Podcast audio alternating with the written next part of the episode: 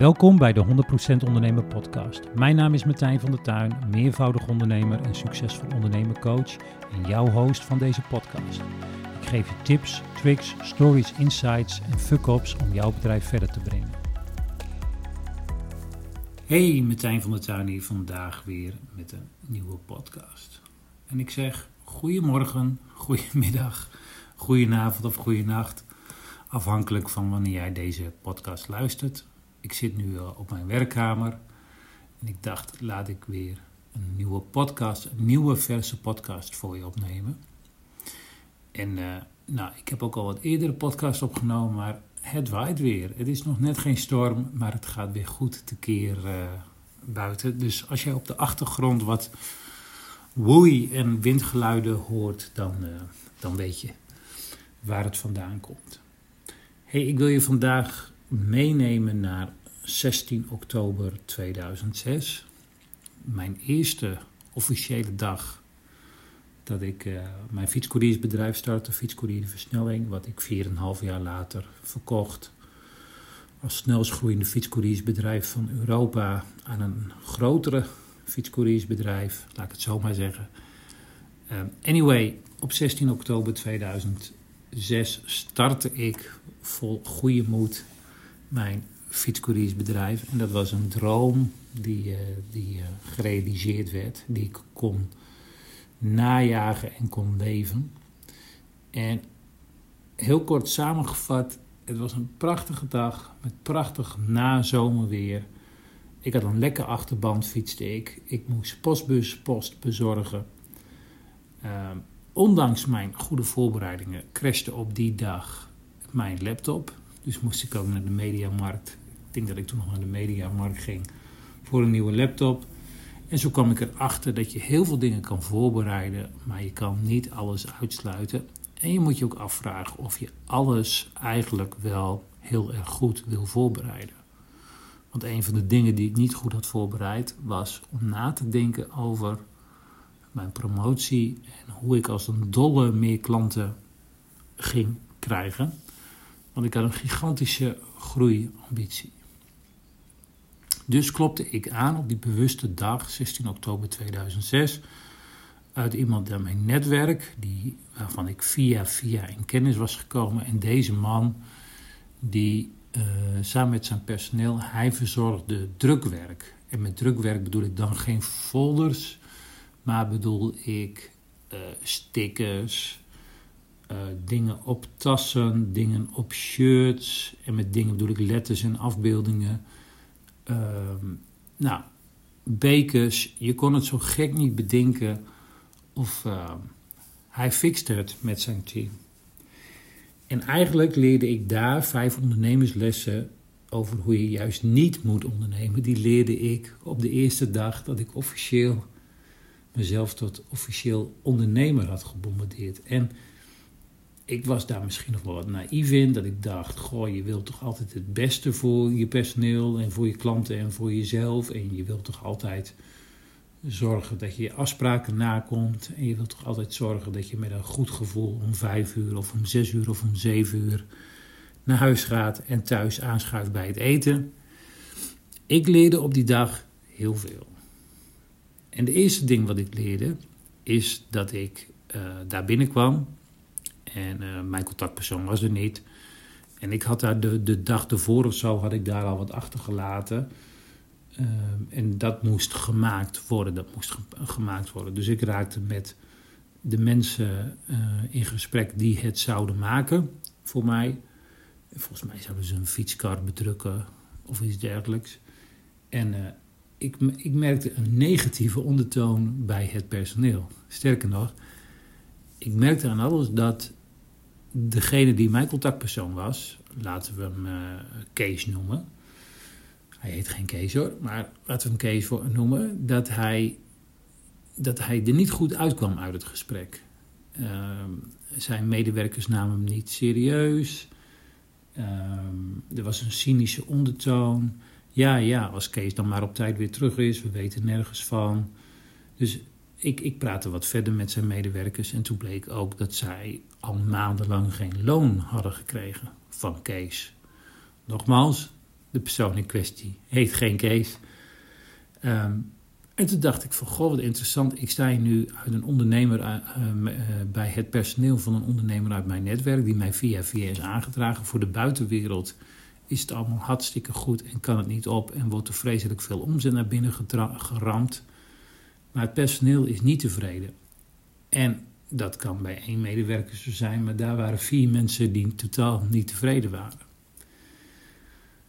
Dus een les die ik leerde, of een van de vijf lessen die ik op die dag leerde, was: zorg ervoor dat je personeel tevreden is en blijft. En als je ontevreden personeel hebt, ga er dan mee in gesprek waar die ontevredenheid vandaan komt en zorg dat ze juist van ontevreden naar tevreden gaan. Klinkt heel logisch, klinkt heel simpel. Doe het maar eens. Want iedereen kent het uitspraak: ik wens je veel personeel toe. Dus dat, dat vraagt gewoon tijd. En dat is ook volstrekt logisch, want over het algemeen is personeel zijn de belangrijkste arbeidskrachten of de belangrijkste productiemiddelen vanuit je bedrijf. Dus zorg ervoor dat je personeel niet ontevreden is, maar juist tevreden.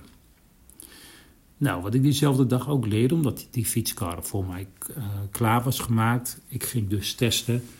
En de stickers die erop waren geplakt, die, die dat was allemaal bobbelig en dat was het allemaal net niet. Sterker nog, dat was het helemaal niet. Dus de kwaliteit die geleverd was, op advies van Kees, was niet een beetje slecht. Het was erbarmelijk slecht. Het was gewoon helemaal niks. En dat brengt mij gelijk bij mijn volgende tip.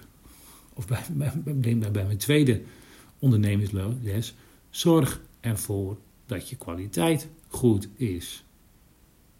Oké. Wat ik ook merkte, en dat merkte ik daarvoor al, en dat merkte ik ook daarna, dat merkte ik ook wel in het gesprek. Kees was er nooit. Kees was altijd op de vlotter, namelijk klanten binnenhalen. En zijn personeel moest het maar redden. Af en toe kwam hij eens langs, of dan ging hij bellen, maar hij was altijd druk, druk, druk. En Kees had nooit tijd voor zijn klanten. Ook als ik met hem in een gesprek was, het moest altijd snel, snel, snel, snel. Maar als jij altijd snel, snel, snel wil, dan op een gegeven moment gaat snel, snel, snel niet meer werken. Want als jij personeel hebt, dan moet je daarin mee in gesprek als zij ontevreden zijn. Maar je moet ook in alle rust in gesprek met je klanten.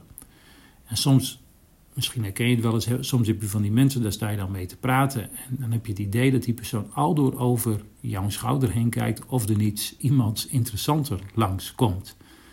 Dus mensen die altijd haast, haast, haast hebben en altijd snel, snel, snel.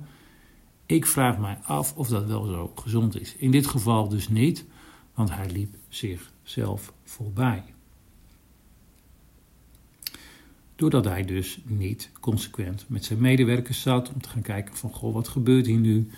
Gaat het goed? Wat gaat er minder goed? Hoe kunnen we dat gaan organiseren? Nou, dat was ondernemersles Drie, over hoe je juist niet een bedrijf moet gaan leiden met personeel. Vierde was, hij was altijd op pad. Hij moest altijd nieuwe klanten hebben. Kees was altijd aan het jagen. Jagen op nieuwe klanten. En hij haalde de ene klant naar de andere klant binnen. Maar er is natuurlijk een reden waarom je moet jagen op nieuwe klanten. misschien zit dat wel in het aard van het beestje. Misschien is het zo dat Kees. Ehm, eh, nou, misschien was het voor Kees wel heel belangrijk om nieuwe opdrachten binnen te halen. Terwijl waar haal je over het algemeen de meeste omzet vandaan? Bij huidige klanten. En het enige wat je daarbij hoeft te doen, is gewoon een normale prijsvoering te hanteren en zorgen dat die klanten meer dan 100% tevreden zijn. Maar wat deed Kees? Kees was altijd op zoek naar nieuwe klanten, nieuwe klanten, nieuwe klanten. Maar als je dan de optelsom ja, berekent, of de optelsom die ik net vertelde heb, en je uh, levert geen goede kwaliteit, je hebt altijd haast, haast, haast. Um, je personeel is niet tevreden en laat het ook weten, dan lopen je klanten dus ook weg. En moet je dus altijd op zoek naar nieuwe klanten. Kees had de achterdeur openstaan. Kees had heel kort klanten die vervolgens via de achterdeur naar buiten gingen en ook niet meer terugkwamen.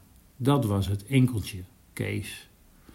Nou, los van de kwaliteit, hij had daar wel een prima pricingstrategie bij, want hij was spot en spot en spot goedkoop.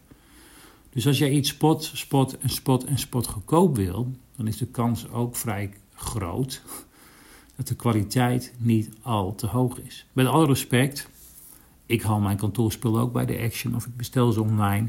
Waarom is het altijd zo druk bij, online, bij de Action? Omdat het te goedkoop is. En als je het goedkoop hebt, komen er altijd mensen op af. En zo was het ook bij het bedrijf van Kees. Waar concurrenten misschien wel 400% meer vroegen voor een banner of voor stickers of voor wat dan ook. Daar kon Kees het voor vele malen goedkoper. En dat ging ten koste van zijn eigen tijd, want hij was altijd druk, druk, druk en alles moest snel, snel, snel. Het ging ten koste van zijn personeel. Die moest altijd door, door, door, werden nauwelijks gebriefd omdat Kees heel erg druk was. Het ging ten koste dus van zijn kwaliteit en Kees was altijd op pad op zoek naar grotere klanten. En tot slot dus zijn prijzingsstrategie. Hij was spot en spot goedkoop en daarom moest hij dus volume draaien. Het klinkt allemaal zo logisch hè, hoe, hoe dat dan werkt, maar ik heb daar echt met verbazing die middag zitten te kijken en te analyseren dat ik me gewoon afvroeg, wat gebeurt hier nou? En een paar dagen later belde ik Kees. Ik zei: Kees, wij moeten even een rondje lopen. En toen ging ik als meteen van de tuin. En als voorzitter van een. Nee, ik was nog geen voorzitter. Als, nou ja, laten we zeggen, als bestuurslid van een netwerk waar hij ook lid van was, gingen we een rondje lopen.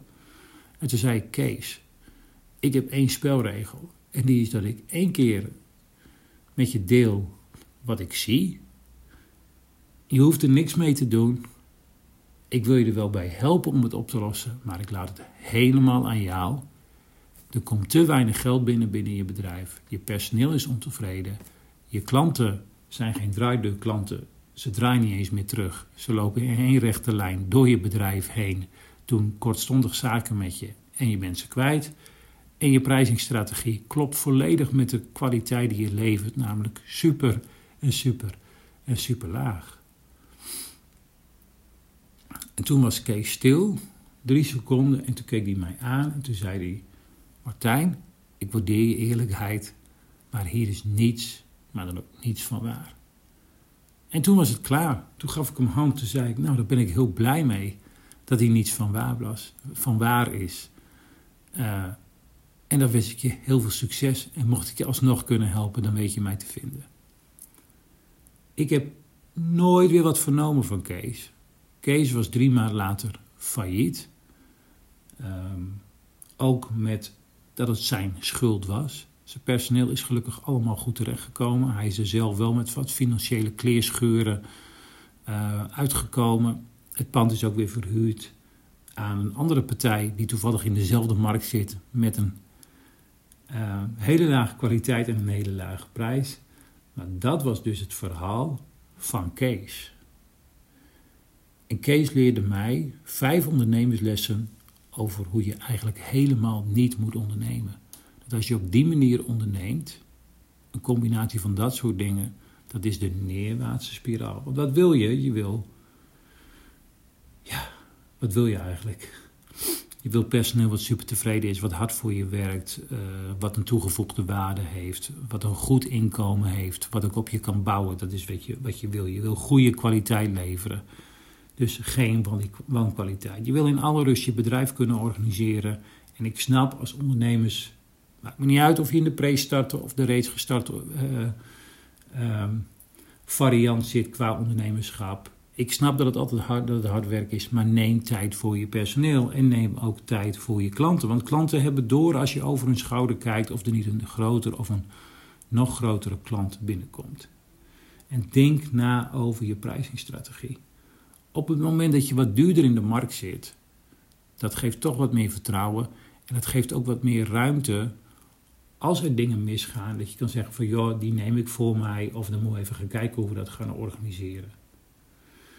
En het kan heel koud zijn en eenzaam als je aan de top zit, omdat je de hoogste prijzen vraagt, maar misschien wel de beste klanten hebt. Alright, tot zover mijn vijf ondernemerslessen over hoe je juist niet een bedrijf moet leiden of moet ondernemen. Met dank aan Kees. Ik heb Kees na die tijd nooit weer gezien. Ik kwam nog één keer, zag ik een stuk met hem in de krant staan. Dat was jaren na die tijd. En dat was het verhaal van Kees. Nou, ik wens je een fijne dag toe. Uh, ik hoop dat je er wat mee kan. Ik, heb dat je, ik hoop dat ik je heb mogen inspireren en een beetje heb mogen motiveren, maar vooral misschien een beetje chockeren dat dit dus bestaat. Ja, dit bestaat dus. Mensen die ijzig zeggen van er is helemaal niet van waar en binnen een paar maanden na die tijd failliet zijn. But it's all in the game. En uh, ik zou zeggen tot een volgende podcast. Bye bye, ciao ciao. Hoi hoi. Tot zover de 100% Ondernemen podcast. Ik hoop dat deze podcast je nieuwe inzichten heeft gegeven. Je kan de 100% Ondernemen podcast volgen op Spotify en Apple Podcast of waar je nu ook al deze podcast aan het luisteren bent. Wil je op de hoogte blijven? Volg mij dan op je favoriete podcast app. Online kun je me ook volgen op Instagram, Martijn van der Tuin of 100% Ondernemen. Laat een review achter op Instagram of bij je favoriete podcast app. Wil jij als eerste mijn tips ontvangen en toegang tot exclusieve content? Schrijf dan in voor mijn succesvol ondernemen tips via www.100%ondernemen.nl. Dankjewel voor het luisteren en tot een volgende keer.